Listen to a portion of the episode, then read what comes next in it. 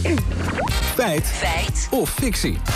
En dat gaat Lieke over kernenergie en Zeeland. Waarom? Ja, dat klopt. Het kabinet wil in Borsten namelijk twee nieuwe kerncentrales bouwen. Nou, en die centrales zijn een belangrijk thema in de aankomende statenverkiezingen. Alex Heigenaar, oud-statenlid voor D66 in Zeeland, zei gisteren in onze tv-uitzending dat hij tegen die nieuwe centrales is. We hoeven maar 10% energie te besparen in Nederland. We hebben die twee kernfabrieken helemaal niet nodig. Nee, hij zegt over 30 tot 40 jaar hebben we wel genoeg hernieuwbare energie. Dus kerncentrales zijn niet nodig. Maar als wij 10% energie besparen. Dan hebben we die nieuwe, hè, dat, dat zegt er, die nieuwe kerncentrales helemaal niet nodig. Dat is een bouwde uitspraak. Dus daar ben je achteraan gegaan. Zeker. Want klopt het? Nou, ik ben eh, gaan bellen met energiedeskundige Wim Turkenberg. Hij is emeritus hoogleraar aan de Universiteit Utrecht. En hij doet onderzoek naar het energiesysteem van de toekomst. En we legden hem dan ook die vraag voor. Dat is een uh, moeilijke vraag. En je kunt zeggen ja en nee. ja, duidelijk. Nou, ja, precies. Uh, dan ben ik benieuwd. Want wat, wat, klopt er dan wel en wat klopt er dan niet aan? Nou, Wim Turkenberg denkt dat meneer Heigenaar stroom bedoelde, waar hij energie zei. Verder lijkt die 10% te kloppen. Turkenberg zegt dat de twee nieuwe centrales zo'n 25 terawattuur per jaar aan stroom kunnen opwekken. En daarmee is hij aan het rekenen geslagen. Het huidige elektriciteitsgebruik van Nederland is 120 terawattuur per jaar.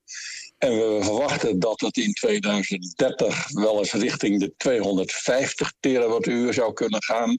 Nou, als we dus groeien naar 250 terawattuur in 2030, dan klopt het dus dat uh, die twee kerncentrales ongeveer 10% van de stroomvraag zullen dekken.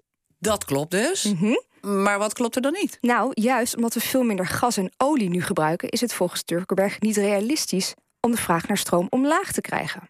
We gaan uh, elektrisch verwarmen. De industrie die gaat elektrificeren uh, om allerlei processen schoner te maken. Dus uh, iedereen verwacht dat de stroomvraag alleen maar heel sterk zal gaan toenemen. Ja, ook bijvoorbeeld netbeheerder Tennet die rekent erop dat de vraag naar stroom de komende decennia bijna verdrievoudigt.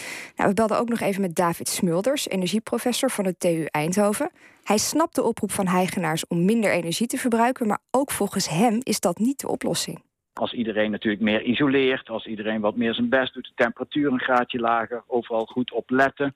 Maar dan nog hebben we veel meer groene stroom nodig. Dus dan halen we het bij lange na nog niet. Dus besparen is goed, maar we hebben ook nog meer nodig. Maar hebben we dan niet genoeg aan windmolens en zonnepanelen? Nee, die hebben volgens Smulders één heel belangrijk nadeel nu naar buiten kijken, dan hebben we natuurlijk weinig zon en ook helemaal uh, geen wind. Dus dat betekent dat we op een gegeven moment uh, ook een andere vorm van groene energie nodig hebben en van groene stroom. Nou, kerncentrales komen daar natuurlijk bij uitstek voor een aanmerking, omdat die uh, rustig door kunnen pruttelen.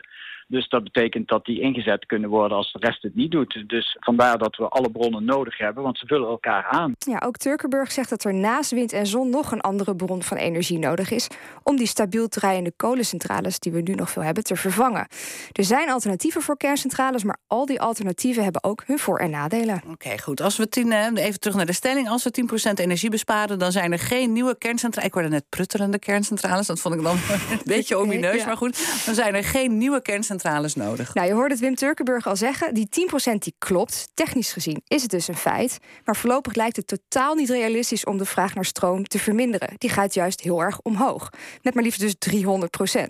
Ook als je al energie bespaart, heb je alsnog een alternatief nodig voor die kolencentrales. Dus al met al is de tekst van Alex Heigenaar te kort door de bocht